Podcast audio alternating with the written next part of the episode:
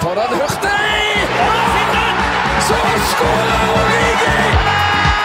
Velkommen til Andalusia! Gutten har blitt en mann! Det blir for mye rør! Det er bullshit. Det er goal! Det er goal igjen! Der var reprisen din. Sorry. Da er det hens. Hens, hens, hens. Alt er hens. Guro Reite! Seriestarten nærmer seg, og vi er enda en uke nærmere enn sist. Men før vi kommer så langt, er det mye annet å glede seg til. Det er nemlig en stor uke på gang. Hege Rises landslag skal i aksjon igjen, og vi skal sende kampene. Det får vi denne uken. Scott Parker skal gjøre comeback i Champions League etter nesten 20 år. Et skadeskutt engelsk lag skal tilbake til en arena der noen av klubbens største kamper i Champions Leagues historie har funnet sted. Det får vi denne uken. Mannen som skårer oftere enn noen andre i Champions League-historien, skal endelig få debutere i turneringen, et halvt år etter at han ble hentet, for å fylle fotsporene etter mannen som du trolig trodde jeg refererte til da jeg begynte på denne altfor, altfor, altfor lange setningen. Det får vi denne uken. Og så får vi Erik Maxim Choupo-Moting-derbyet. Kjenn på det? Det får vi denne uken, for verdens beste klubbturnering, Champions League, er tilbake. Og verdens beste Solveig Gulbrandsen er også tilbake. Velkommen. Takk, takk. Også du, da, Yao, min gode venn. Velkommen tilbake. Takk, takk. Jeg eh, er egentlig litt, møter opp litt traumatisert, så det er godt å være her i trygge studio. Jeg Hva da? har sett, sett på dette Last of Us, sånn zombieserie som Ja, jeg ser det er jeg før også. leggetid. Nei, Og da er det mareritt. sånn Det, er- det, er- det er kaldsvetting, mareritt. Sånn det å kunne sitte her i et trygt studio med min helgepappa, det er faktisk veldig godt akkurat nå. Ser du jo på dette? Ja, Jeg har begynt å se på den, ja. Det er, helt, eh, det er egentlig helt håpløst. det er bare krise. Det er så mye gode kamper på TV2 Play, og så sitter dere Ja, her men de ser jo jo, men dette er jo seint, seint på kveldstid. etter ungen er lagt og Ja, sånn. det må det i hvert fall være. Det- Ja, ja. ja ehm, vi pleier å ta en runde i starten med siste fra norsk fotball. og Yes. Sist vi satt her, så var det vel å snakke opp Brann litt, for de hadde gjort det så bra. Det har jo de gjort igjen. Ja, det har de Uten gjort at vi skal på en måte snakke for mye om de, så er det jo, det er jo verdt å nevne. Ja, det er verdt å nevne. Nå var det jo eh, en sånn ekstra satsingskamp for TV2 sin del eh, for å vise litt fram hvordan vi tenker å, å ja, Mm. vise fram norsk fotball. Da. Så det var jo en kamp som veldig mange fikk med seg. Fulgte med på, Det var intervjuer før kamp. Ja, det som var så gøy der, var at sånn, Folk gikk gjerne forbi ja. og bare slo av en prat. Det er jo gøy, da. Det, det, Ja, det, sånn det jeg, kan jeg være. det, litt- ja, det er sånn det kan være. Det er sånn det bør være i norsk fotball. At det ikke er så stor avstand. Det ikke er spillere som står og sier bare selvfølgeligheter. Yeah, obviously, we're trying to win. Obviously, we can train harder. Bla, bla, bla. Men det er litt mer eh, ekte, litt mer nært. Men- og kampen i seg sjøl var jo som spådd spådd på forhånd. Jeg syns jo Lan og Ålesund er vel Altså, Det er VM i å snakke ned eget lag, egen tropp. Grytebust, samme. Og Jeg kan jo forstå det, men likevel så er det jo noe sånn altså mentalt, Hvis du vet at det er gjennomgangstonen, du som spiller sitter og leser hvor mye eh, trener, kaptein, hva det skulle være, snakker ned kvaliteten på det dere har, så blir det jo ikke noe mer, du får jo ikke noe mer eh, selvtillit til å gå ut på og møte Brann da. Nei, og hvis du også snakker om at vi mista så mange og vi trenger påfyll av nye, altså den følelsen for de som er der i tillegg, da, som skal på en måte levere, så det er bare, vi venter egentlig bare på noen andre.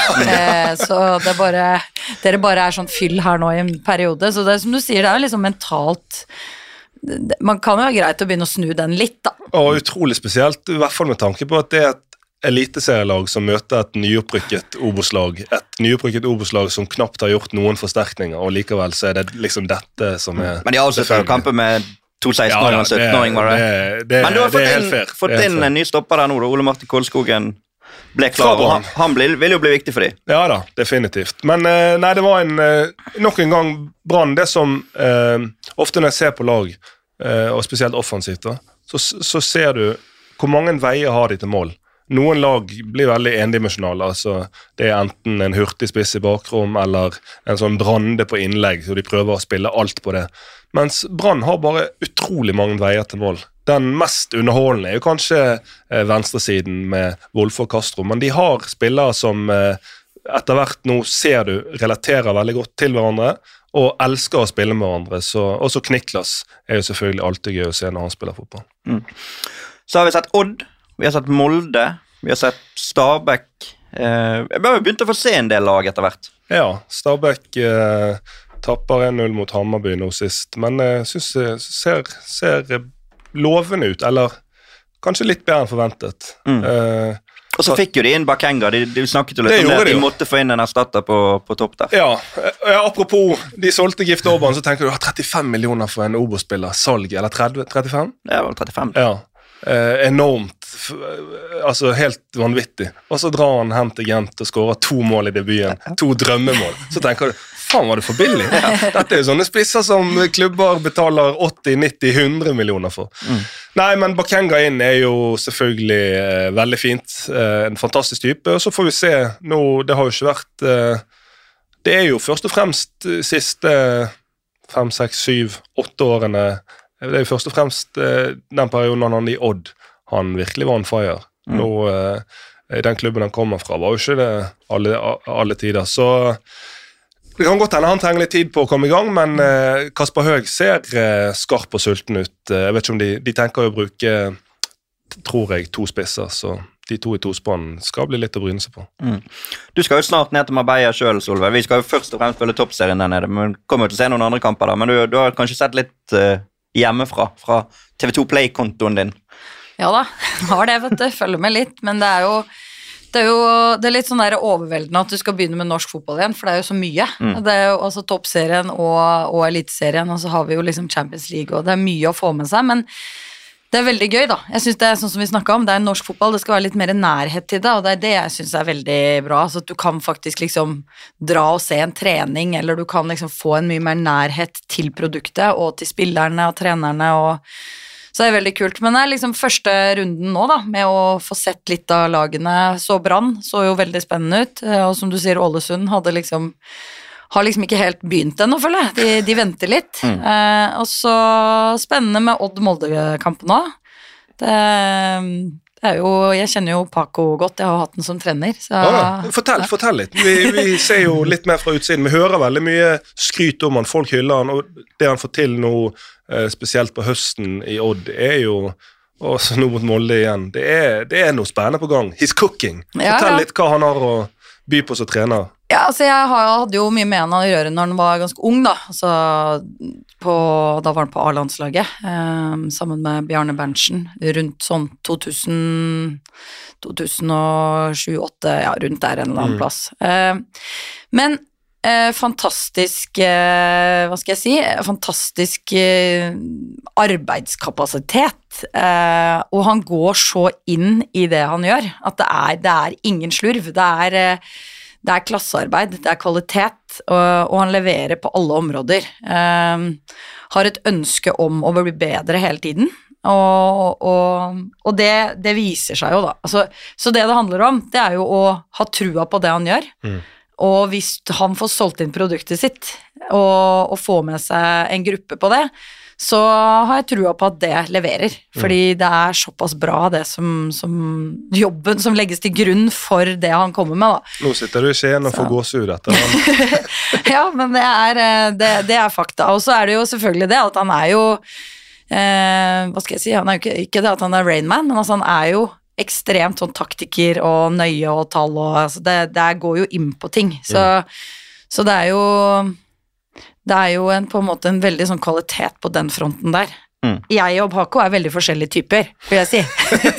så, så jeg er jo en helt annen, men sånn i, i spann med at eh, det, den samarbeidet der vil jo på en måte kunne være en sånn ganske bra greie, da, at du har litt sånn litt sånn ledig og avslappa folk òg. Så han, han bygger jo et team rundt seg som har litt av de forskjellige tingene òg, så jeg tror det, det er veldig bra. Og nei, det blir veldig spennende å følge de, og det er jo et ungt lag. Det er jo masse spennende spillertyper, eh, og det tror jeg han er veldig flink til å dyrke òg, altså at de får fram litt av kvalitetene sine. Eh, Han er jo en som har blitt snakket om i på en måte mange år, som sånn klisterhjerne og sånn nærmest sånn Golden boy, har vi et norsk uttrykk for det? Altså en gullgutt, altså det neste store, men har kun vært i NFF. sant? Mm. Det er vel første, i hvert fall på toppnivå, klubbtrenerjobben han har ja, i Odd. han og, og um, en annen, Hvem var det de hadde? Hønefoss? Nei, ja, de var innom Hønefoss en tur der. Ja, men som ho... Men som hovedtrener Var ikke han ikke da. assistent i var Hønefoss? Ja. assistent, ja. Men Ja, altså, det er jo sånn, Når det snakkes så varmt om det har gjort, blitt gjort lenge, så er det jo sånn du tenker jo litt at ok, første, altså hovedtrener i Eliteserien her, det, det er noe annet. Og vi har jo sett eksempler på eh, sånne spennende trenere fra NFF, Ja. fra, fra korridoren der, som ikke lykkes helt. Ofte så føler jeg de faller litt kanskje på det med å håndtere en garderobe eller håndtere den dynamikken. Men her eh, ser det ut som Paco og Odd er hånd i hanske. Han får unge spillere som han kan utvikle, som, han, som kjøper hans budskap, virker det som. Og, og det blir veldig veldig spennende. Men så er det jo for Odd sin del, i tillegg til en fantastisk eh, 3-2-seier mot Molde, etter å ha kommet under 0-2 4-3, var ikke Var det 4-3? Eller? Ja, da ble jeg 4-2, usikker. Jeg tror det, men eh, 4-3, 4-3, stemmer. Etter å ha kommet under 2-0. Eh, så um, får de likevel enda et høydepunkt, og det er jo at tidligere Odd-guttene, Lauritzen og Kitolano, får Sparta Rotterdam. Kitolano med, De vinner eh, 2-1 mot Go-Head Eagles.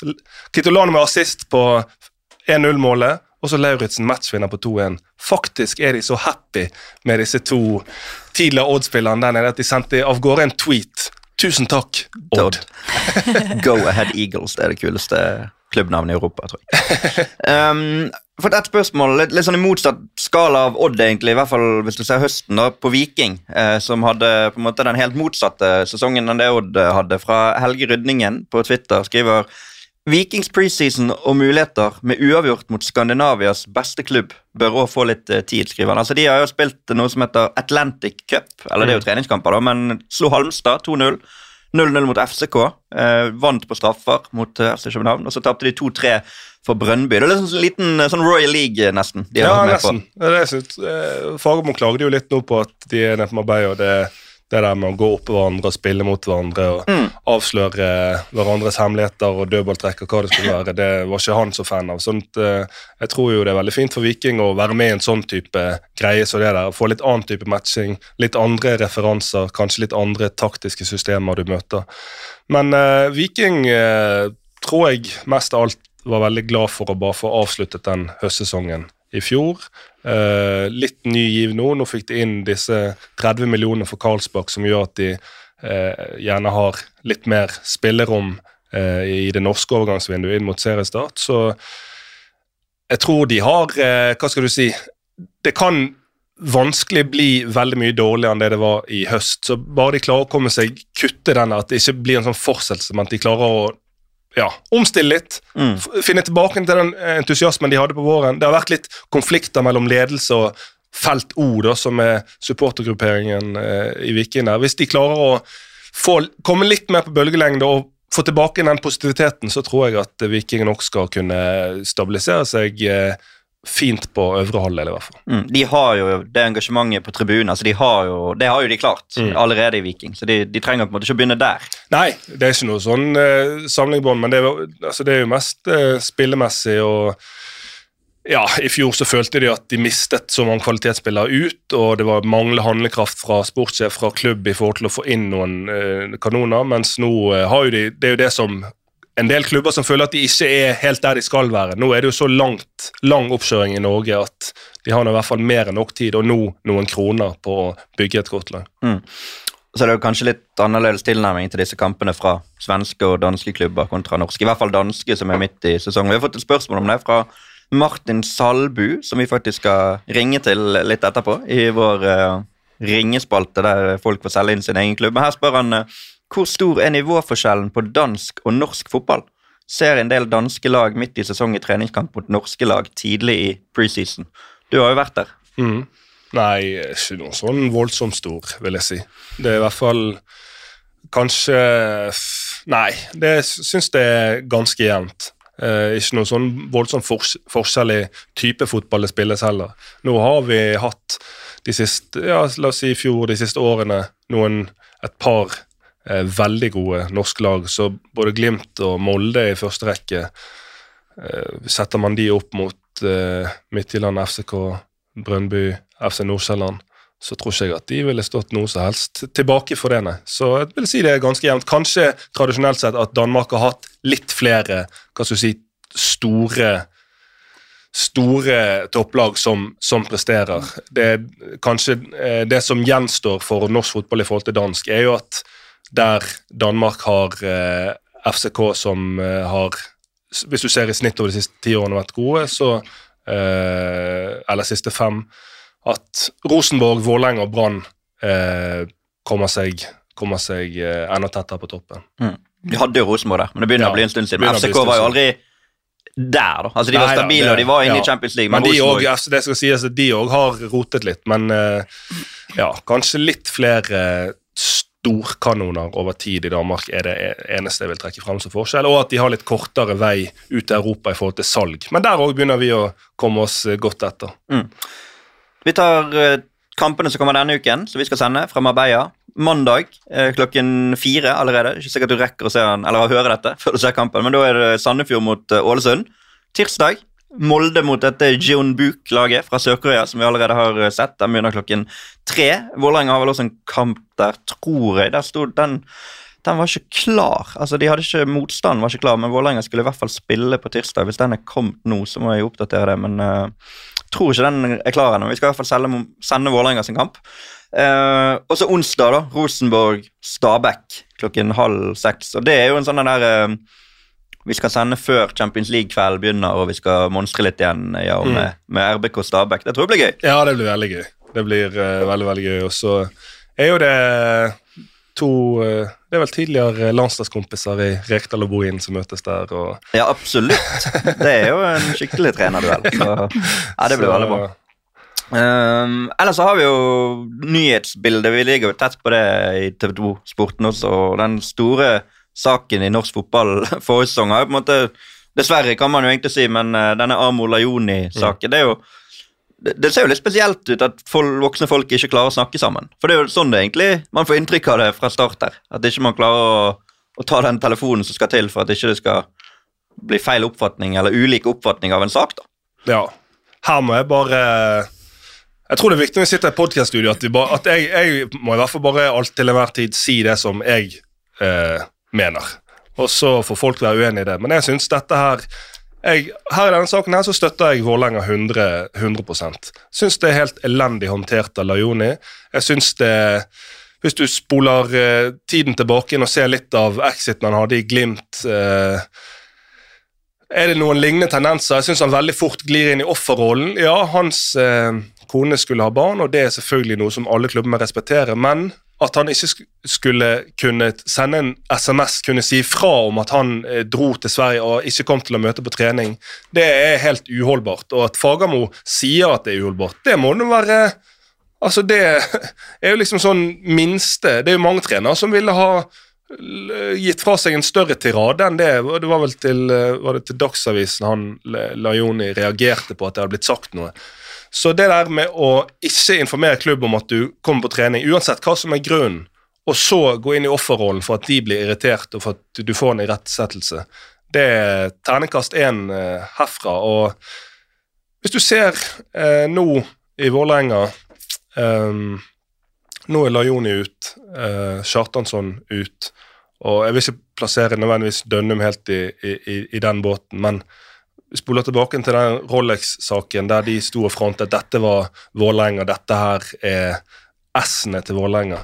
Så husker jeg tenkte dette er jo veldig langt fra det som jeg forbinder med at Vålerenga er og skal være. Altså det Vålerenga som jeg holdt, holdt på å si eh, vokste opp med og kjenne til, var jo Freddy Dos Santos, eh, Panserhagen og ja, bohemer, men òg ydmyke, folkelige, hardtarbeidende. Så jeg eh, håper at eh, nå la Joni ut eh, Får håpe at det er Vålerenga innsett at de skal ikke være Rolexer og merkeklær fra Paris. De skal være en mer folkelig klubb med litt mer ydmyke typer. Så jeg får håpe at primadonnaens æra er over eh, på Valle. Vi bare minne om det at verken Lajoni eller hans agent er jo her i studio kan si noe til dette, men de har allerede fått tilsvar til disse sakene inne på tv2.no. eh, Så inn og les Amo Lajoni-saken der, så ser dere deres eh, ståsted. Bare sånn for å balansere det, da. Det Ja, tenker jeg jo er, er greit. Men eh, det at det snakkes om norsk fotball så å si daglig, eller det snakker ikke så å si, men daglig, er jo eh, noe som vi også må være glad for, da. For at vi på en måte får det tilbake på radaren hele tiden. Ja, ja, og sånn sett så, er det jo bra for oss at ikke folk klarer å kommunisere, for da kan vi bidra i mellomledd, Ja. så blir det veldig bra. Men eh, nei, det er jo positivt. Jeg tenker jo at eh, ja, det blir jo litt sånn fyring, og det blir jo saker ut av ting eh, her, men det er jo altså for meg, da, som har spilt eh, fotball i, i ganske lang tid, eh, hvor det da ikke er oppmerksomhet, hvor du ønsker oppmerksomhet da, i mye større grad, og da kan du ikke bli redd for den oppmerksomheten du får. Så nyhetssaker, veldig bra, og jo mer oppmerksomhet eh, fotballen får, jo, jo mer populært blir det, og jo flere har lyst til å være med. Og det skaper jo profiler, og vi trenger jo profiler i norsk fotball. Eh, og gjerne profiler som blir her litt, ikke bare de som er innom og forsvinner ut igjen, eller unggutta som forsvinner ut, men, men de som er der litt, og, og har vært der en stund. Det er også viktige profiler, eh, ikke minst. Så nei, bra med litt eh, nyhetssaker, og ja, blir spennende. Men jeg så Vålerenga, det var jo ja, en eh, hektisk eh, i media der, men det var jo en elendig treningskamp mot Malmö. 3-0. Og ja, selvfølgelig skal ikke legge for mye i det, men eh, når du ser startoppstillingen der, så syns jeg likevel at det er jo Altså, hvor mange trenere i Eliteserien er ikke det som ville misunt det laget her? Sjøeng, Hedenstad, Bjarnason, Strandberg, Juklerød, Risnes, eh, Tiago Holm, Bjørdal, Ofkir, Børven, Dikko Eng. På benken Bulli, Storvik, eh, Kiel Olsen, Oldrup. Det er liksom uh, mange spillere jeg syns er strålende fotballspillere, og det er startoppstilling minus Bjarnason, så en bare må si Hver gang han spiller, så uh, setter ikke jeg penger på Vålerenga. Oi, hver gang. Ja, jeg syns han eh, dessverre ikke holder mål for de, og når du ser resultatene, når du ser de kampene han spiller, og du ser målsnittet når han spiller, så er det ikke lystig lesning. Men, men for øvrig, altså en spiller som Juklerød, fantastisk god back, Strandberg som på mange måter er den som Altså, selv om han ikke bærer bindet, selv om det er Martin Ødegaard på landslaget som bærer kapteinsbindet, så er jo eh, Strandberg vel så mye kaptein der òg. Selvfølgelig kaptein eh, i Vålerenga. Får håpe at han holder seg skadefri. Og så har de balanse mellom rutine nå og unge, spennende spillere. Selvfølgelig Dikko Eng skal vi holde et ekstra øye med. Han forventer jeg mye av i sesongen som kommer. Også, Nå spilte ikke Kiel Olsen eh, fra start mot eh, Malmö, men han eh, stopper han eh, fra KFUM. Er òg en spiller som jeg eh, tror kan bli veldig spennende. Jeg syns jo det er veldig spennende med det her med den lange oppkjøringa vi har i Norge. For altså, den, den er jo ikke så mange andre land som har så lang oppkjøring. Eh, og det skjer så mye i den fasen der, og hvem som bruker den best. Eh, fordi nå har vi jo sett at Brann virker veldig bra. God forflytningsevne, veldig på, altså de er veldig kjappe i beina og sånn. Og så, og da er det litt sånn, og så ser du Vålerenga da, neste kamp, bare, det virker så tafatt, og blir bare dratt av enkelt mot Malmö-spillerne, og det er liksom Ja, det er litt tafatt, da. Tungt og treigt, og det fungerer liksom ikke. Og så er jo spørsmålet hva er treningsbalansen her? Har de trent mye Ja, hardere? Er det derfor de ikke flytter beina? Har Brann egentlig litt for lett eh, Er det liksom for tidlig å være god? Eh, og så drar du med deg den mentale biten da, i denne lange oppkjøringa her. fordi hva skjer med Vålerenga? Jo, de må jo nå begynne å jobbe. Da blir det spillemøter, og så blir det masse jobb for at liksom det her funker jo ikke bra nok, vi må jobbe og vi må gjøre noen grep. Mens Brann kanskje er veldig fornøyd og flyter på den, og så kommer du til seriestart, så er alt snudd. Så det er, jeg syns det, det er veldig interessant den der balansegangen mellom hvem som gjør det litt dårlig, som må da ta seg inn og jobbe litt hardere da, i vinterbiten, mens de som tror det flyter Nei, jeg syns det er veldig spennende. Ja, for for er- nå er jo, nå er jo Brann på offensiven. ja, ja. og bare gå ut Fortsette der de var i Obos. Men det er jo altså det er jo vanskelig å ikke bli forventningsfull for bergenserne. sånn at De risikerer jo å komme til seriestart og være litt sånn på defensiven i forhold til at shit, nå må vi jo fortsette det vi har gjort nå i lang, lang tid. Ja, Så tar du tre første seriekampene der, da. Og så er de offensive. De skal stå høyt, høyt press, kjøre på sånn som vi har gjort hele tida. Og så bam, bam, så får de tre tap, for eksempel, da, på kontringer imot, eller mister ballen, eller gjør noe. Hva gjør du da? da? det er sånn Oi, nå blir det stress. Så det der, eh, Men det er det som er interessant med fotball. Det er det. Vi eh, inviterer dere der ute til å diktere litt av innholdet i vår uh, podkast. Send oss spørsmål på, på Twitter, på vår eh, konto der, to fotballpodkast, eller send oss gjerne direkte meldinger også. Eh, vi har fått noen spørsmål til dere. Eh, vi, kan- vi kan begynne med Morten Skaret Sørensen, Karbisser, som han kaller seg på Twitter, spør eh, ja, det er, jo, det er jo et hypotetisk spørsmål, selvfølgelig, Ja. men han, han, vi synes jo det var litt artig. Hvilke høytstående yrker hadde eliteserieprofiler passet bra til? Eksempelvis tror jeg Lan eller Rekdal kunne ha vært gode forsvarsministre. det er jo litt sånn eh, Man må jo bruke kreativiteten her, da. Men, la oss, vi kan jo tenke litt. Lan som forsvarsminister, den er jo klink. En uh, sindig type som tenker Gjerne tenker litt sånn worst case først, det ønsker du en forsvarsminister, og ja Er steinsolid på det defensive. Her han, der det sier seg selv når du sitter på forsvarsministerens kontor, handler ikke det om å underholde eller gjøre noe spektakulært. Det handler om å holde buret trygt. men så er liksom, hva er et høytstående yrke? Altså, er Ja, det er den debatten. Den skal slite her. Det er. Høyesterettsjustitiarius. Det må jo være en type sånn Ola Hobber eller noe sånt. En av de dommerne som kan gå inn og sette Hvis jeg ser uh, litt på tabellen her, så tenker jeg sånn Jostein Grindhaug, ordfører i Haugesund. Den er òg folkelig. det kan han jo fort bli. Ja, det kan fort bli. Jeg er faktisk overrasket om han ikke Ja. Hvis han hører dette, om han ikke tenker eh, karriere etter trenerkarrieren. Men jeg tror hadde han stilt som ordførerkandidat i Haugesund, hadde han blitt eh, vunnet med god margin. Folkelig, lett å like. Ja, Virker som han kan eh, formidle på en veldig god måte det folk tenker.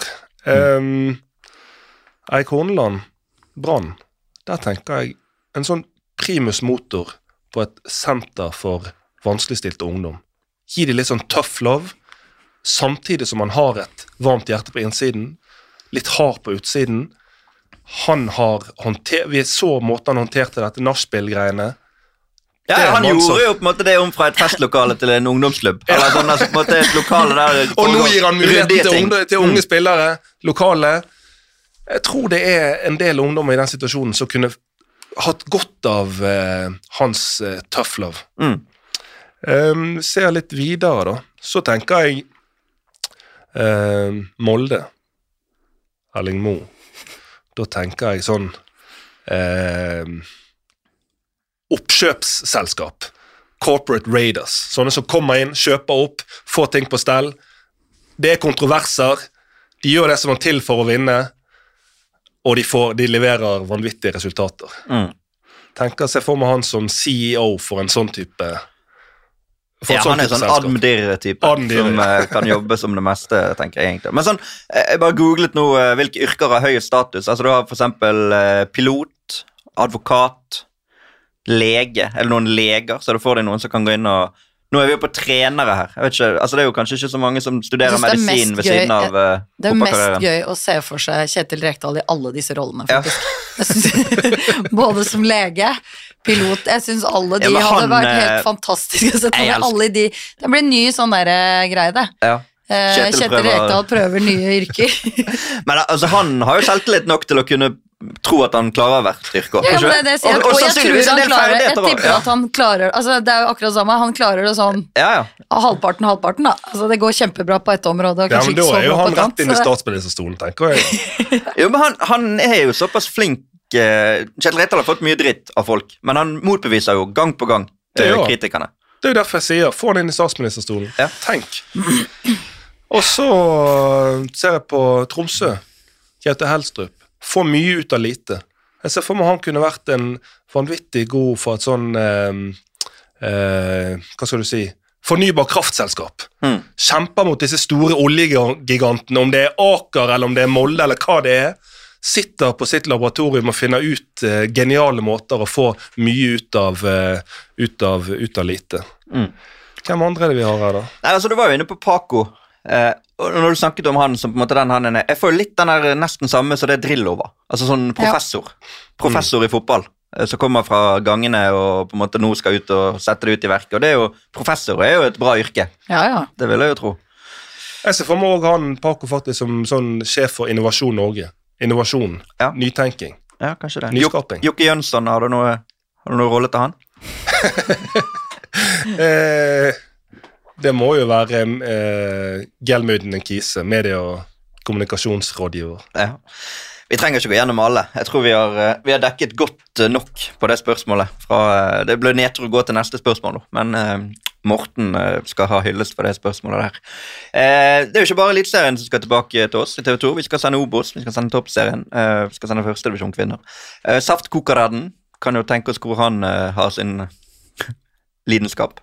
Kan vi få en rangering av topp tre stadioner i Obos-ligaen? Du har jo vært, eh, om ikke på alle, så i hvert fall på en del av de, både som Obos-ligaspiller og eliteseriespiller. Eh, og eventuelt de tre i motsatt ende av skalaen. Vi fokuserer jo på de positive Ja. tingene her, men Start må jo være høyt oppe der. Altså, sånn, Ja, på selve stadion. På selve stadion er jo det definitivt Må være der oppe.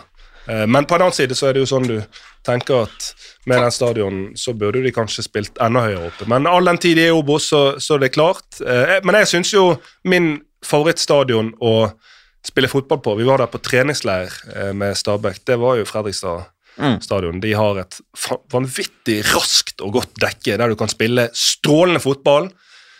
Nesten så jeg vil si det hører hjemme i Champions League, men eh, Og så eh, siste jeg vil nevne der, da er det helt i motsatt ende, men med positivt fortegn. Um, Forshaugen hadde, hadde fortjent å være med på den listen, men jeg må faktisk si Melløs og Moss. Der er det tradisjoner. Det er Hva skal du si? Du kommer der og du føler at dette her er fotball. Mm. Så to eh, topp, flotte, moderne og Der en, kunne du hatt f.eks. for eksempel Østerhus Arena i Sandnes. Det er jo et veldig ja, flott veldig nytt flott. stadion. Men der har, ikke, jeg- der har ikke jeg vært. Nei, jeg har ikke vært der så jeg kan ikke Jeg må, jeg må ta ut ifra det jeg har Åsane vært. har jo Ja, et nytt Åsane fint anlegg. Men Det er mange alternativer, men uh, de to nye pluss Moss, det blir det for meg. det er godt. Uh, Trygve Skogstad spør Solveig, Skogstaden på Twitter, hva tenker Solveig om Kolbotns sjanser til å rykke opp igjen til toppserien? Og litt Ja. i forlengelsen av det, hvor viktig er det å gjøre det med en gang? Um, ja, det her er litt sånn vanskelig spørsmål for meg, fordi uh, Er du for tett på?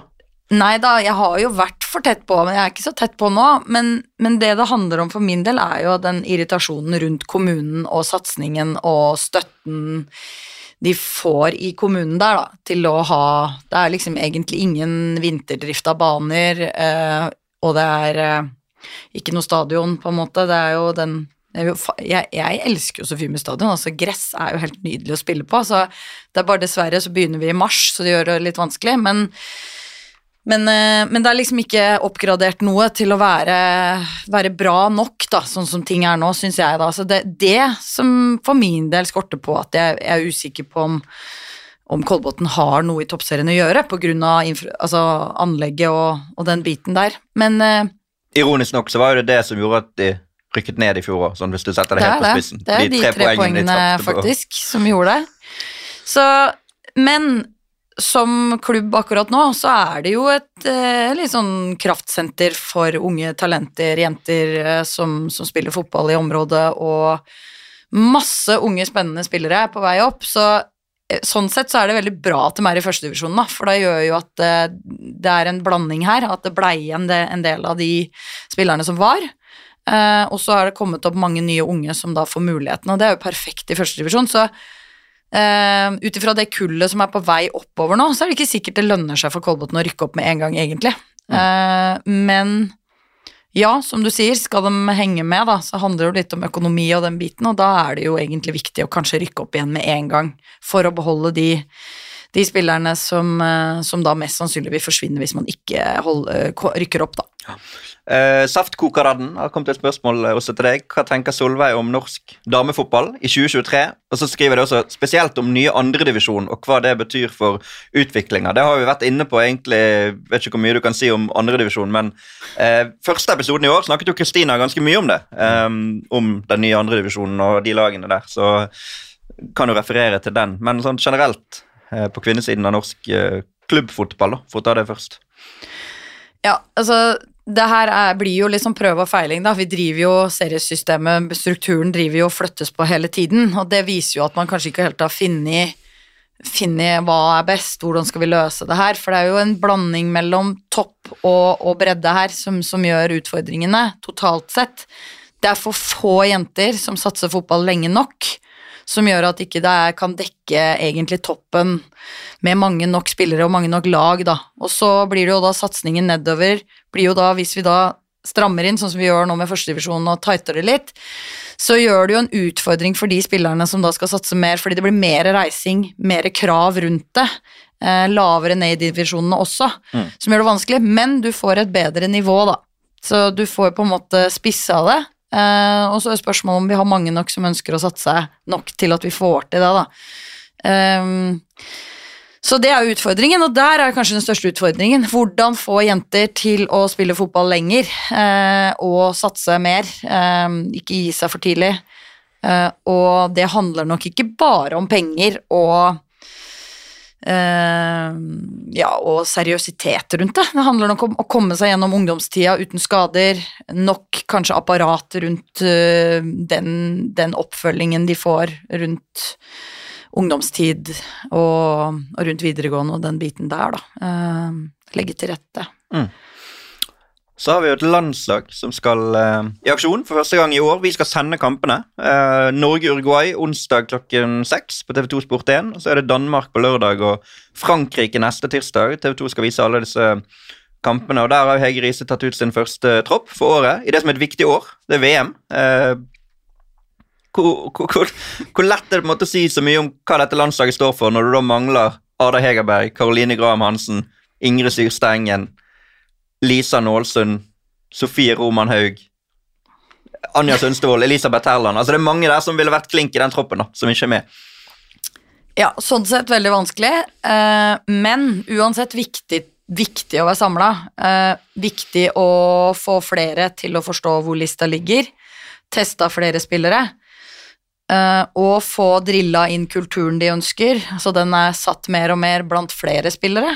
Uh, så det tenker jeg er veldig viktig, og de får møtt uh, noe god motstand her, og spesielt i Frankrike, da, for eksempel. Så, så det er jo viktig med de samlingene her, og jeg syns jo virkelig det er en positiv trend og veien dette trenerteamet har valgt å ta det. Mm. Jeg er ikke noe tvil om at jeg er mer, mer fornøyd nå. Og så er det jo da det store spørsmålet, som vi sier. Hva hvis Ada Hegerberg og Caroline Graham Hansen kommer tilbake? Er de villige til å gjøre det som det nye trenerteamet har satt av krav?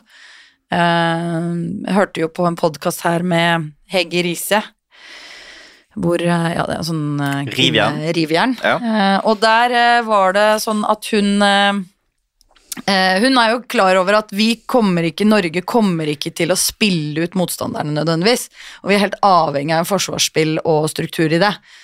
Og da er det jo sånn, da må jo også de offensive spillerne være, kjøpe det, på en måte, og være med på det. Og skal Norge lykkes, så må vi ha alle de beste spillerne tilgjengelig, de må være i god form, og ikke minst, de må ha kjøpt eh, taktikken, da. Litt sånn som vi ser på herresida, egentlig.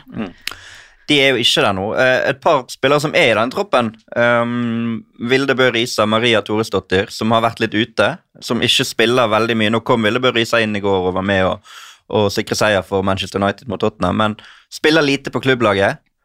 Kan du si noe om hvor viktig det er for de å prestere når de først er inne på en landslagssamling? Når ikke de spiller på Det er jo på en måte den arenaen de har å vise seg frem på, da. Ja, nei, det er helt ekstremt viktig. Altså, det, du er nødt til å prestere i de kampene og de minuttene du får.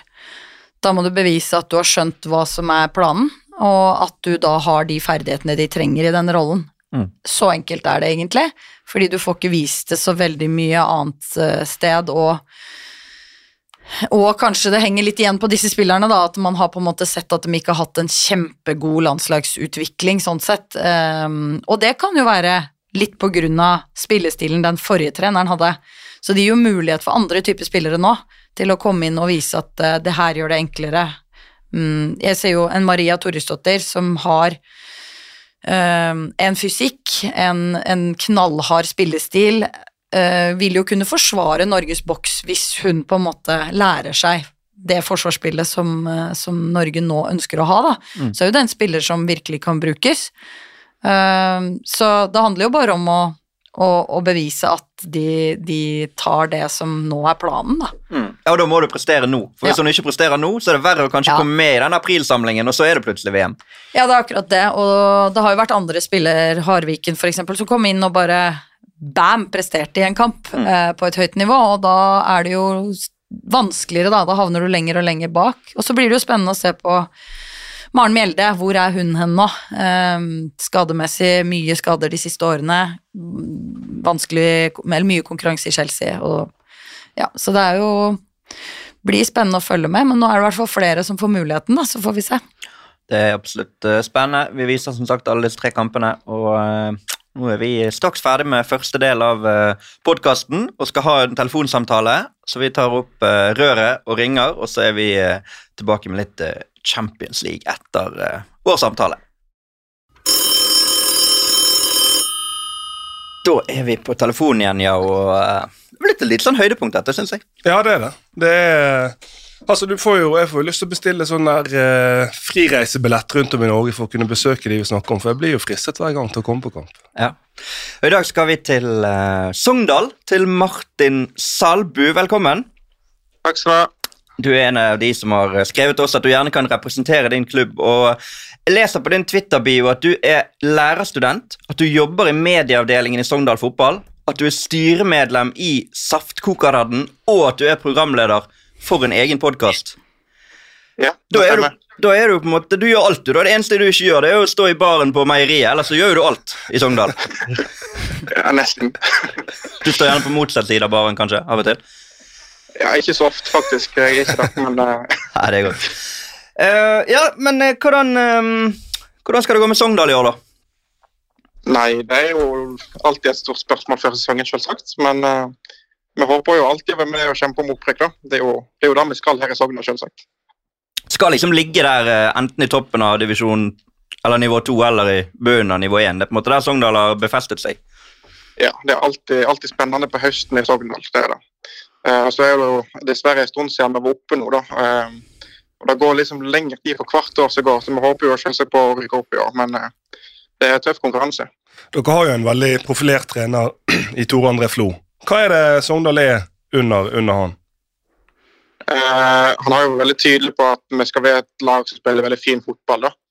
Eh, og da så vi veldig tydelig i fjor, og føler jeg, at eh, det la veldig om stilen til at det blir et sånt lag som tar ganske stor risiko framover og skårer mye flotte mål. Og så har jo det dessverre hatt litt å si for forsvarsspillet, da. Men eh, det er jo det en prøver å utvikle litt og eh, gjøre enda bedre til neste år. Her er jo salgspitchen i gang allerede. Mye mål begge veier, underholdende kamper. Jeg kommer på Ja, Fosshaugane. for sauene.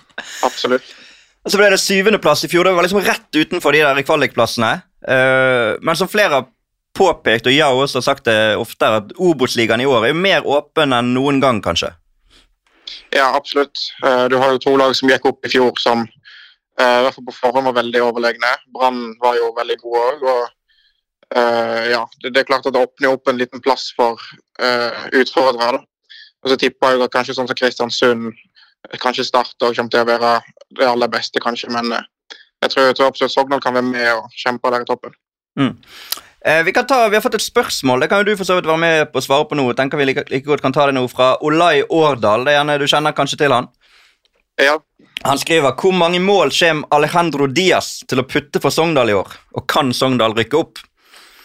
Hva tror du? har nå? ganske knallhardt ute og meldt allerede, for så vidt. Ja. Eh, Jeg har sagt han blir toppskårer i Obos-ligaen 2023.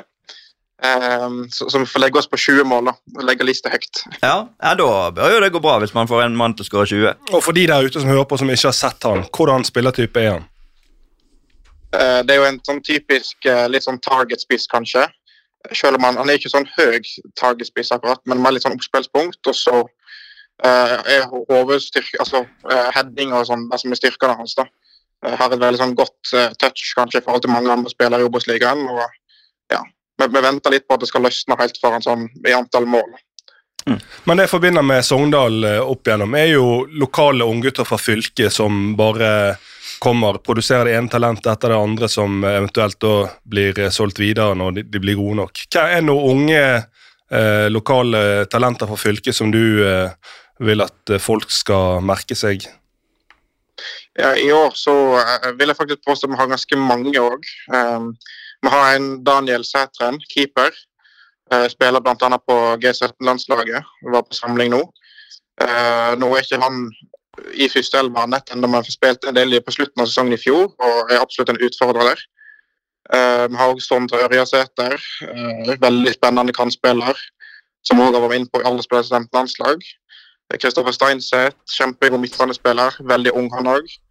Og så har du sånn som Erik Flatager, som også er på alle bestemte landslag. og ja, Det er veldig mange unge lokale spillere her som det er spennende å følge med på. Ja, han Øresæter har jeg hørt om. Han har, han har en bror også som spiller fotball, som er ganske god.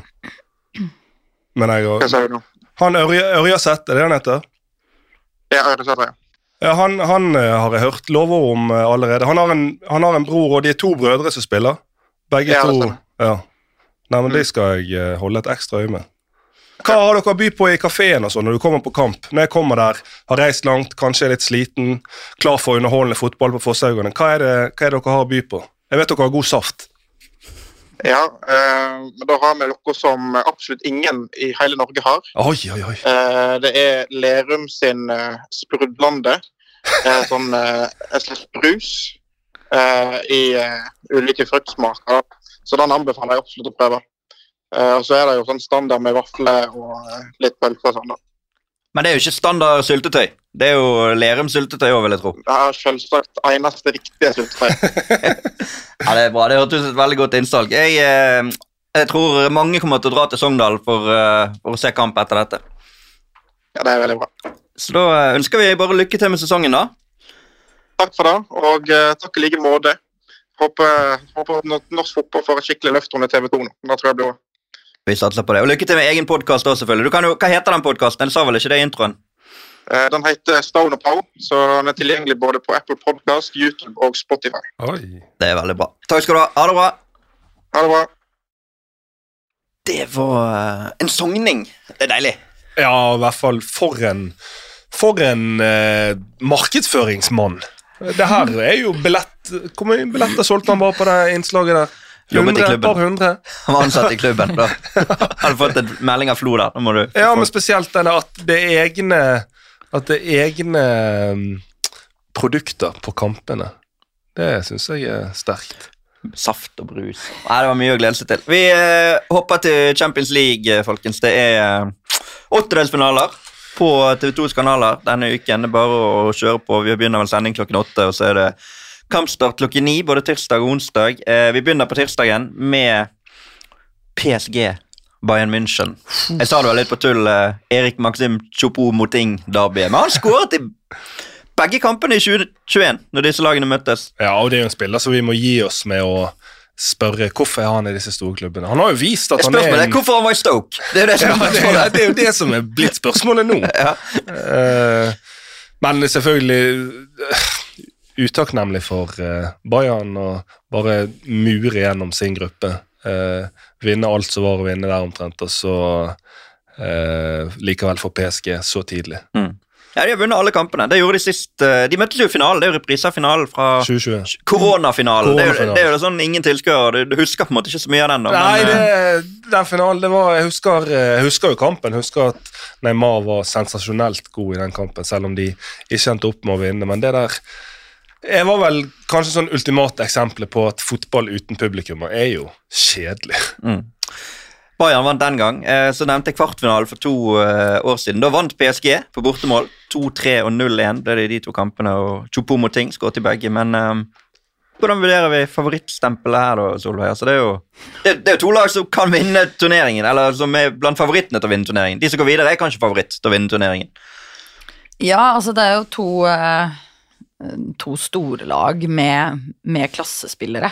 Altså, men her er det jo litt sånn skadeproblematikk på begge disse lagene. Og det er jo det som kanskje vipper det litt sånn Hvem, hvem er det som på en måte får, får, eh, får PSG alle store tilbake på plass? Mbappé er jo nå varsla at han er på, på treningsfeltet igjen.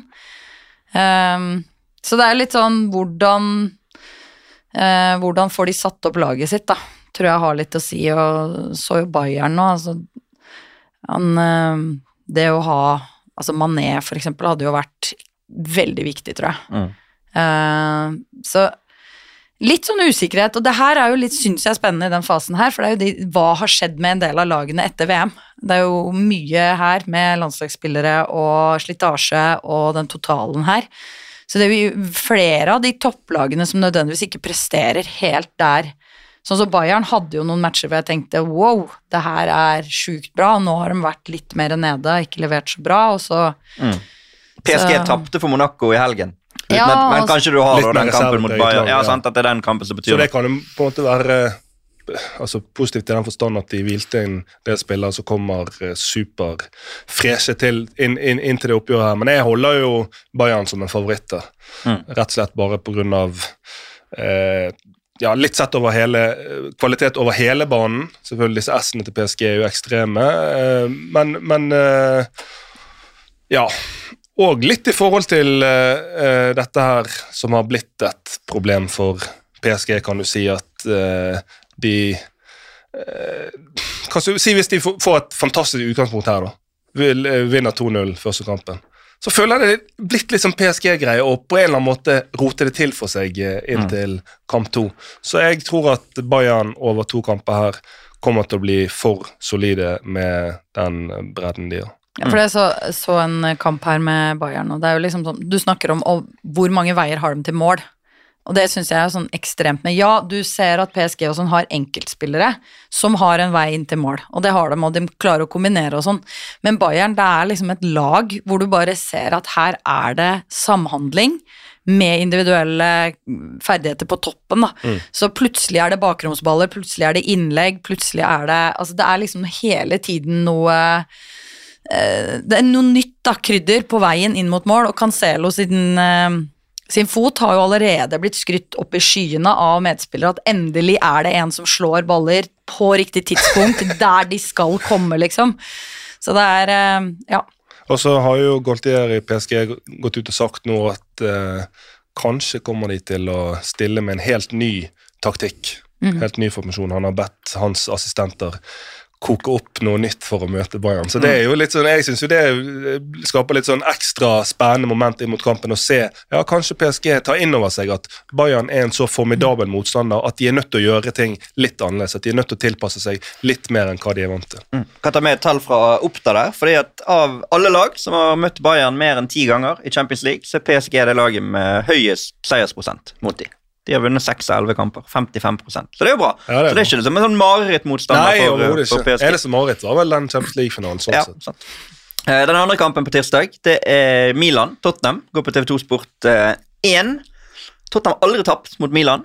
2-2-0 i de fire kampene, men det er jo tolv år siden de møttes. så Det var på tilsvarende stadie. Peter Crouch, litt skadeplaget Tottenham-lag den gang, reiste til Milano og vant eh, 1-0. Antonio Conte tilbake på stadion der han eh, ikke trente Milan, men trente Inter. Mm.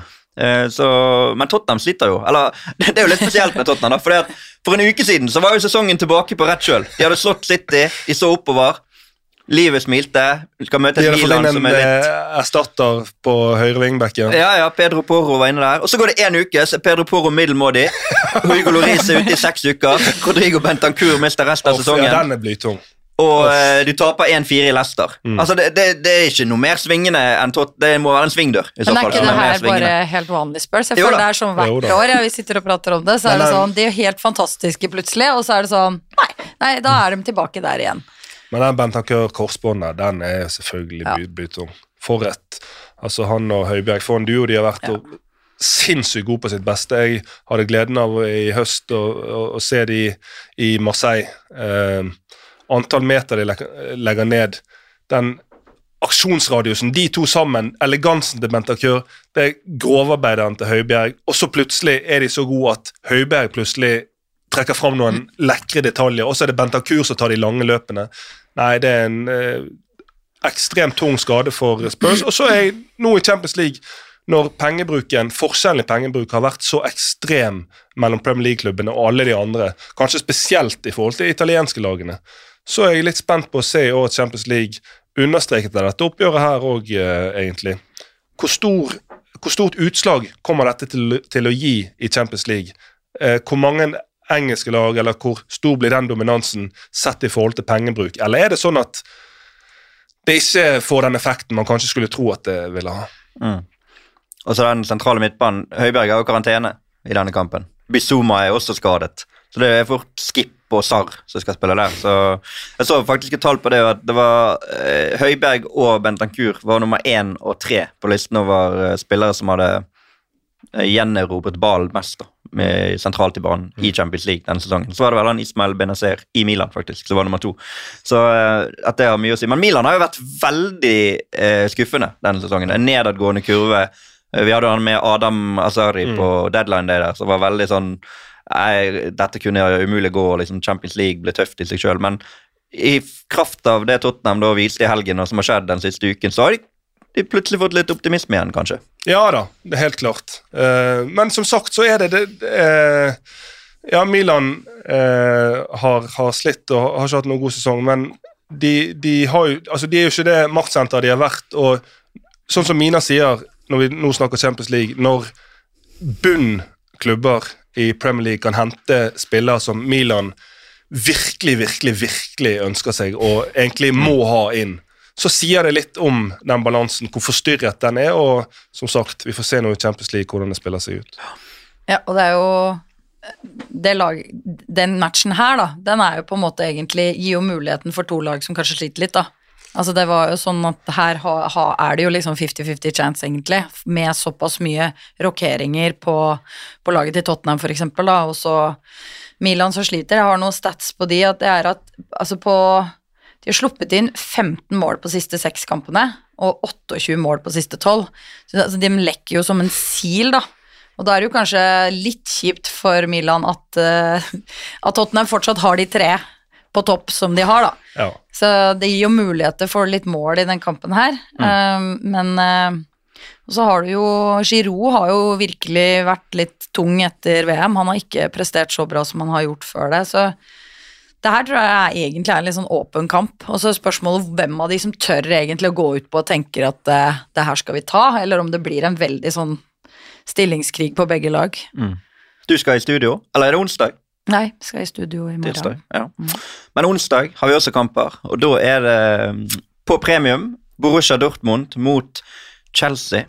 Første gang faktisk disse lagene møtes i en offisiell eh, kamp. Graham Potter, som har slitt litt i, i Premier League, men er ubeseiret i Champions League, kom inn der, tok de videre. Fire seire nå uavgjort. Kan faktisk bli første engelskmann som leder et lag til fem seire på rad i Champions League. Men Chelsea har jo skuffet voldsomt. Men det er jo litt sånn som jeg også har tenkt med Liverpool, at er det da Champions League som skal redde dem? For kvalitetsmessig kan jo de slå alle. Kvalitetsmessig så kan de slå alle, men spørsmålet er jo relasjonsmessig. Mm. for Det er jo mange som diskuterer dette med pengebruken til Chelsea og så mange spillere inn på ny tid. Men jeg tror det at mange spillere inn på ny tid, eh, relativt ny trener, unge spillere Hva gjør det med relasjonene, forståelsen? Eh, hvor mye får du ut av den enkelte? Hvor lang tid tar det å bygge disse relasjonene for at du skal kunne få maks ut av den enkelte? Vi ser jo i Glimt vi ser jo Joao Felix for en briljant spiller, men eh, likevel, når det er så tidlig altså, For dette eh, Ja, unge spillere, men òg et ungt Chelsea-lag. Det er så tidlig i oppbyggingsfasen at jeg er litt usikker på hva du kan forvente. Det er ikke sånn at bare du setter sammen, så blir de like gode som summen av alle de spillerne du har. Det, det mener jeg er helt urealistisk eh, å forvente. Så jeg eh, Det er jo Chelsea Dortmund blir jo milliardlaget mot milliardgutten Jude Bellingham. Ja, men jeg er enig Og Julian Ryasson, tror jeg det var du skulle, skulle si. Eller? Men det er jo det. Altså, jeg, jeg syns jo fotballen sin utvikling har glemt at vi er et lag. Ja. Altså, det er, det er, jo- det er jo et lagspill. Todd Bowley virker kanskje til å ha glemt det, fall. Ja, for det er, jo, det, er jo, det er jo lagspill, og det handler jo om relasjoner. Det handler om vennskap, det handler om en del andre ting, da. Og jo mer man kjenner hverandre, jo lettere er det å prestere. Altså, du gjør meg god hvis du veit hva jeg trenger. Altså, det er jo de tingene der jeg føler vi glemmer, for det er jo et, blitt et litt sånn samfunn at jeg skal opp og frem, og du skal bare bytte klubb fordi du skal opp til toppen, på en måte. Det er målet å komme seg dit, men hva legger du ned av, av innsats i det laget? Så jeg, jeg, jeg, jeg håper jo for fotballens del at det er en del lag altså som klarer å bevare laget, som kanskje presterer bedre enn de som bare henter og henter og Ja. rullerer for mye, da. Og så er det jo nesten sånn som jeg syns vi ser litt eh, Nå har jo kanskje Klopp Gjør ikke de så bra, men han er en som har bygd denne kontinuiteten, bygd dette her, som du sier, eh, et lag der til enhver tid så skal laget være større enn enkeltspill. Det har ikke vært det der enorme jaget i hvert overgangsvindu. Ja, vi skal ha den og den stjernen. vi skal ha... Det har vært fokus på hva er det vi skal gjøre sammen. Og så selvfølgelig kulturen. Du ser Arteta nå, eh, det han har fått til Veldig ofte syns, syns jeg du ser at i, i den moderne fotballen så er relasjoner såpass mye verdt at det er ikke bare det å hive sammen. Hvorfor, hvorfor har ikke PSG vunnet en Champions League ennå? Og det er derfor det er naturlig at Liverpool nå, med å miste såpass mange viktige brikker da, Mm. Uh, over tid, at de på en måte ikke presterer like bra nå. For meg er det en selvfølge, fordi de ikke har på en måte, Du kan jo kjøpe deg til noen mål med å ha en veldig veldig god spiss, da, så kan du kjøpe deg til noen mål, men hvis du ikke er der oppe og har mest penger, sånn som det er blitt nå, så må du jo danne et lag, og da tar det jo litt tid igjen, da. Ja, og så er så- spørsmålet hvor god tid har du, fordi Liverpool nå vil jo kunne bygge et nytt lag, men det tar litt tid å få satt den kulturen og få alle nye spillere inn i det samme mønsteret. Men den tida er jo spørsmålet om man har, da. Så du får jo som Ja, regel sånn sparken nå, før den tida er når gått. Chelsea Westham, så tror jeg når uh, Joao Felix skårer på assist fra Enzo Fernandez, så tenker man bare ja, se her, verdensklasse er å forbli verdensklasse. Og det er det jo. Vi ser jo at dette er fantastisk gode fotballspillere. Men så utover i kampen så ser vi jo òg at relasjoner, hvis de ikke sitter, hvis de ikke er innarbeidet, så, så kan det Syns jeg det er sjelden i moderne fotball at det trumfer et godt innarbeidet lag, system og selvfølgelig gode spillere satt i, i spill over tid sammen. Men syns du det så litt bedre ut for Chelsea? Ja, Altså, ja, det- ja, definitivt, De er og det skulle to, kanskje fem centimeter fra å lede 3-0 til pause. Ja, altså, det er helt- Og de skal jo ha straffe der, den er jo helt vanvittig. Helt Altså, klart. Men for, for, for å si helt konkret hva jeg mener, da, så er det det at uh, en Si du, har en, du kjøper inn en offensiv rekke med ekstremt hurtige spillere, eller spillere som er vanvittig gode én mot én. Men det tempoet de kan operere, operere i hver for seg, seg, klarer likevel ikke å konkurrere mot et velsmurt maskineri som har gjort dette over tid, sånn som vi f.eks. har sett Liverpool sitt, på sitt beste. Eh, kanskje dumt av meg å trekke frem en individuell spiller nå, da, men jeg må bare nevne, som jeg sa også i introen, Sebastian Aller. eh, skal spille sin første Champions League-kamp for Dortmund. Det blir jo stort. Eh, og Vi husker han forrige sesong. Han skårte elleve mål på sine første åtte Champions League-kamper. Det er det meste noen har gjort i sine første åtte i Champions League. Han har skåret hvert 61. minutt i gjennomsnitt, og det er det beste av noen som har spilt mer enn 250 minutter. Så det er ikke bare Haaland som eh, stortrives i Champions League. Og, og det at han er kommet tilbake, er jo Ja, det, veldig flott. Det er jo bare spørsmål om tid før det lages film om han eh, Sebastian Aller nå. Det kan hende lages. Ja, det kan være det er in the works allerede. Eh, parallelt med denne så er det på TV2 Sport en dag sending fra åtte på, på onsdag også, men da er det Klubb Brygge mot Benfica. Og uh, det, som jeg har sagt et par ganger, kunne vært en ganske uinteressant kamp. Eller ikke uinteressant, alle kamper i Champions League er uinteressante, men plutselig er jo den med norske øyne kjempeinteressant. Tja, vil jeg si til det. Vil du det? Tror ikke du de får spille? Nei. Nei. Men Nusa er jo der, Nusa er der, men jeg tror ikke han får spille heller. så du snakker ned den med en gang. Men Nei, men det, det er, Jeg tror bare det er kanskje litt tidlig i løpet for de som vi ville fulgt med norske øyne. Ja. Nusa, Kjell, Nusa i Brygge og Kjeldrup og Tengstedt, som jo er litt, litt våren òg, eh, i Benfica. men det er i hvert fall en anledning til å se Benfica. Det er, Eller er det definitivt. først. det er en anledning men- å sitte og se, se eh, hva er nivået på de som disse spillerne vi følger ekstra tett, skal konkurrere med. Mm. Eh, hva roller i disse lagene er det disse spillerne kan gå inn og fylle? Mm. Men det at de skal jo- få masse spilletid her i en eh, i såpass stor eh, Champions League-anledning. Benfica har jo vært veldig tydelig på at både Kjeldrup og Tengstedt de skal matches inn gradvis, og det tror jeg er klokt, enn å bare f.eks. kaste inn en Kjeldrup eller en Tengstedt her i dette oppgjøret, og så går det litt fort, eller tilvenningen er ikke helt der, og så plutselig begynner folk å snakke om nei, hva er det vi har brukt så mye penger på. Og dette er jo da Scott Parker sitt comeback i Champions League. Scott Parker ble trener for Klubb Brygge sist han var der, som spiller for Chelsea, desember 2004. 1-2-tap mot Porto. Og han er, Det er jo en liten quiz, kanskje litt for vanskelig, men tredje engelskmann til å lede et ikke-engelsk lag i Champions League. Den er vanskelig å ta sånn helt på, på sparket, jeg skjønner I det. League, men- i Champions altså League, post 92 Ja. Champions League. Eh, altså da, sant, En engelskmann som har vært trener i utlandet. Det er ikke så veldig mange av de, faktisk. Altså, Engelske trenere har jo ofte hatt en tendens til å være trenere eller managere i England, men eh, det er Gary Neville for Valencia, og så er det sir Bobby Robson, som var i både Porto og PSV. Så den kan jo dere prøve Neville, den har du ikke tatt. Nei. Kan prøve den på Jeg hadde på tatt den, ned, bare gadd ikke å si noe, jeg. Du hadde kontroll på det. Uh, så det er Champions League-uken. Det blir uh, stort. Og så er det jo de andre åttedelsfinalene igjen uh, neste uke. Så det blir Champions League hver uke fremover nå. Utenom når det er landskamp. Da er det ikke Champions League. Real Madrid har vunnet klubb-VM siden sist. For tiende år på rad. Europeisk lag som vinner klubb Det jo Det sier jo noe om at forskjell er Og det vet vi jo. At det er Europa der eh, de beste klubblagene er. 5-3 ble det vel i den finalen, så det er jo sånn litt sånn halvveis treningskamp, det er jo nesten.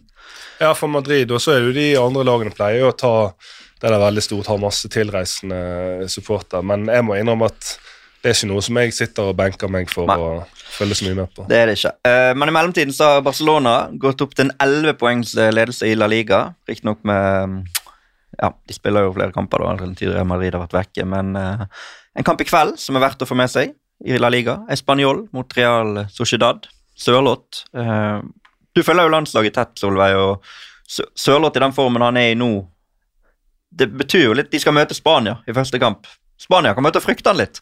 Eller ikke nødvendigvis frykte han, men i hvert fall vite at det er ikke bare Erling Braut Haaland som må stoppes for at Norge knebles. da.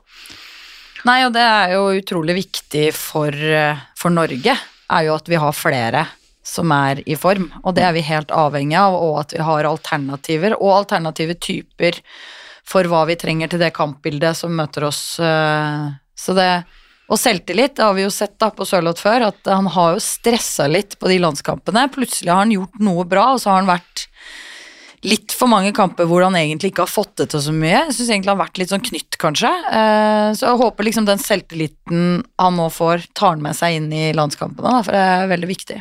Men òg selvtillit på vegne av det norske laget i hele EM-kvaliken. For at, mm, altså, Haaland kan og er jo skadet innimellom. Men den selvtilliten å vite at ja, ja, hvis Haaland er ute, så har vi en klassespiss fra en toppklubb i La Liga eh, som bare kan gå rett inn og utføre mange de samme oppgavene. Sånn at det at det ikke blir sånn at hvis Haaland oi, han, han fikk seg en smell, han måtte av, at hele nasjonen er helt på, på shaky pga. det, men at Sørloth kan gå rett inn i den rollen eh, de gangene Haaland ikke er der òg. Det tror jeg er enormt viktig for selvtilliten gjennom en lang, lang og definitivt utfordrende kvalik. Og sånn der, når du har sånn Altså at du har en spiss som har skåret litt mål nå, da, for at det, det veit vi er viktig. Altså at de har en måleskåring, så at ikke de stresser så mye med det. Fordi de norske kampene så veit vi at du får få sjanser. Altså mot Spania. Det er ikke mange sjansene Norge kommer til å få til å score, og da må vi egentlig Skal vi ha et godt resultat der, så må vi score på de sjansene vi får, liksom. Det er ikke, det er ikke ti målsjanser, mest sannsynlig. Nei, lands, Landslagsfotball fotball generelt genererer jo mindre sjanser eh, enn klubbfotball. Det der har spisser som er brennvarme, som bare trenger den ene halvmeteren for å få jobben gjort, det er jo mye av det landslagsfotball jeg vil si handler om. Ja. Eh, Erling Braut Haaland og City vinner 3-1 mot Aston Villa. Haaland ut. Uh, kanskje ble hvilt, men uh, fikk i hvert fall seg en liten smell. Og det kom jo etter at Arsenal avga poeng mot Brentford.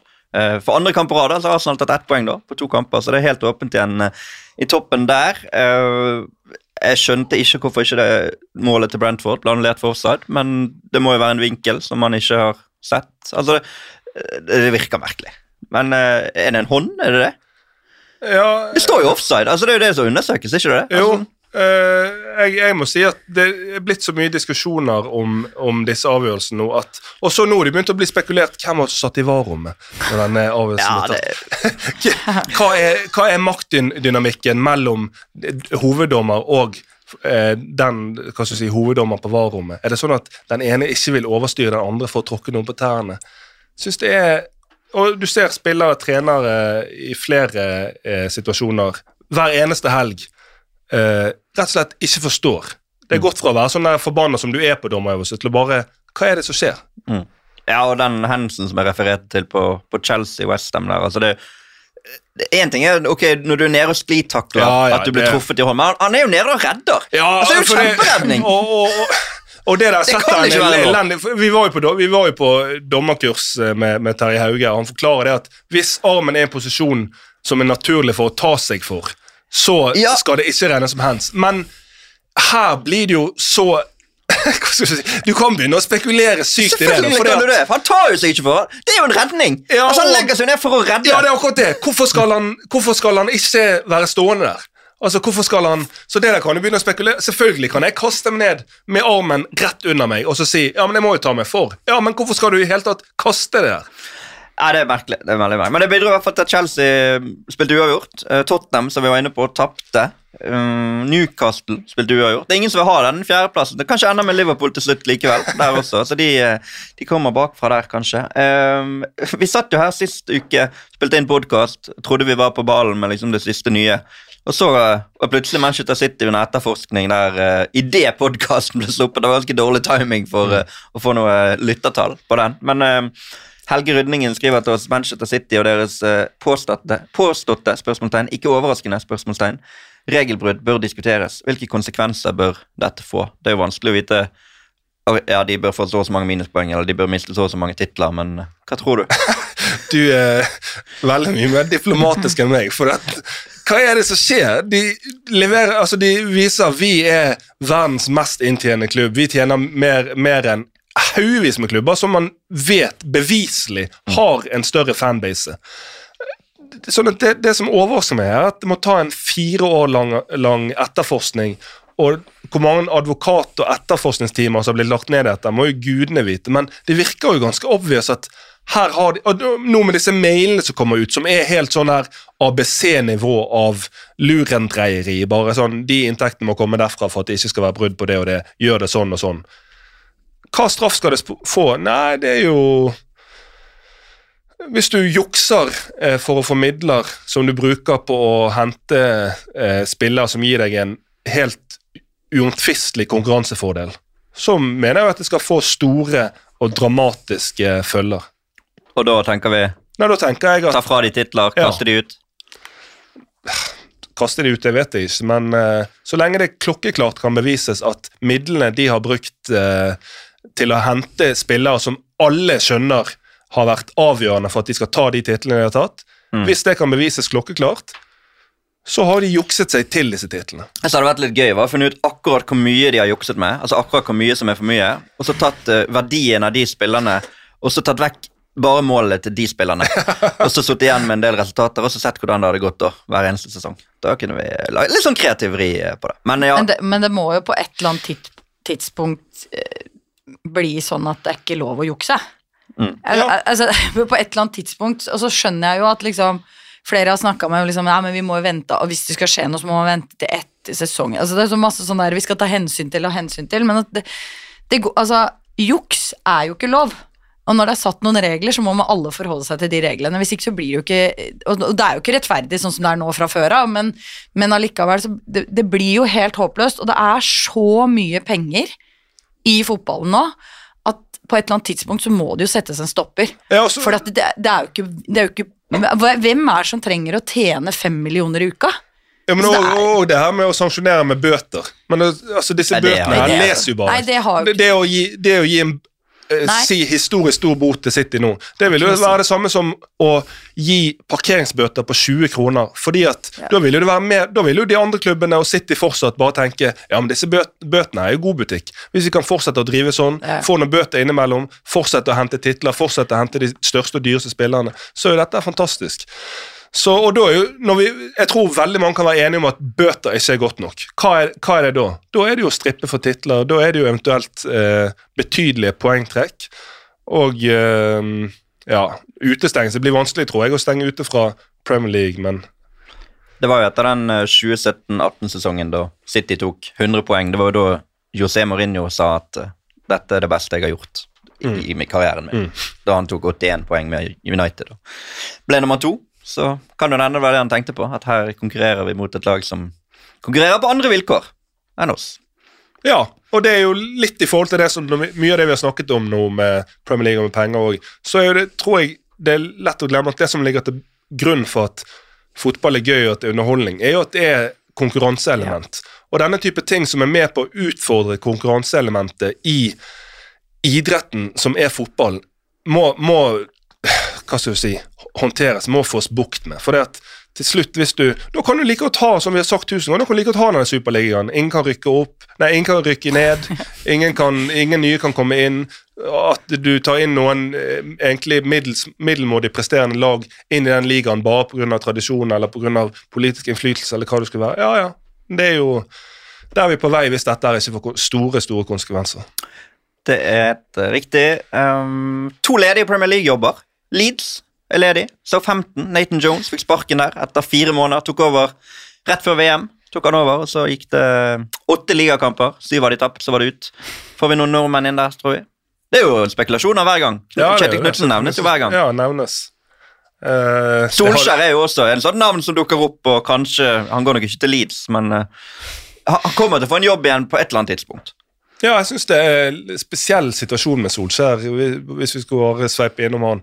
For det at, altså, Sett i sum, si hvis du skulle vært helt objektiv, ikke norsk, den jobben han gjorde med United, er jo i hvert fall ikke eh, Hva skal du si jeg syns jo det er en ganske brukbar jobb, det han leverer. Det står jo en viss respekt av det han har gjort med en så stor klubb i en, kanskje, i en relativt vanskelig fase. Sånn at, at han ikke har vært mer nevnt i forskjellige diskusjoner, er jo litt rart, egentlig.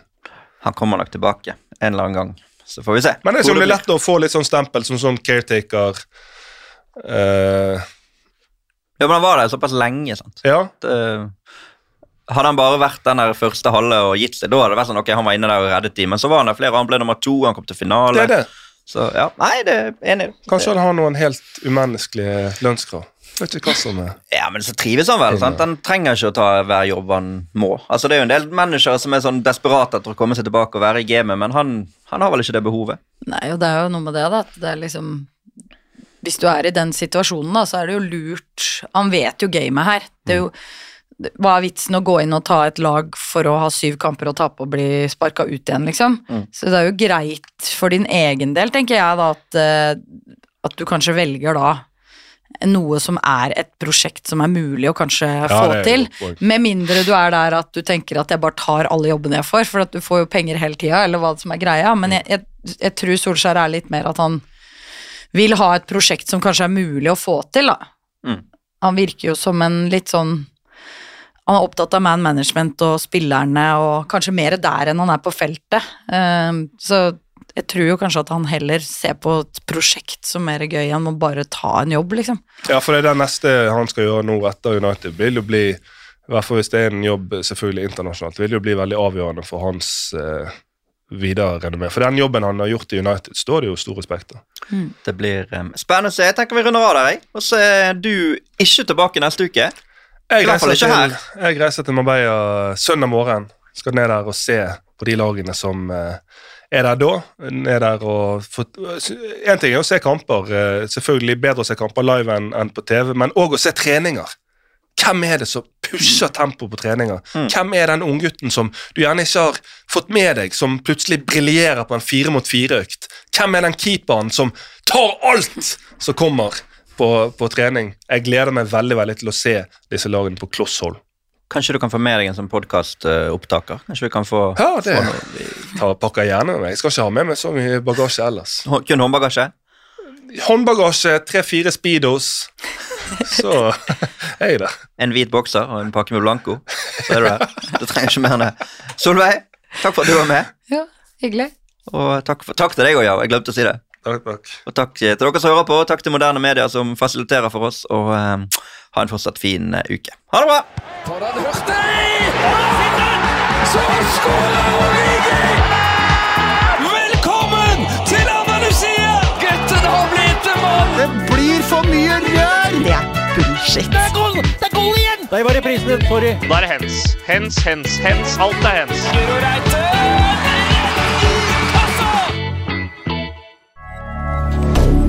Moderne media.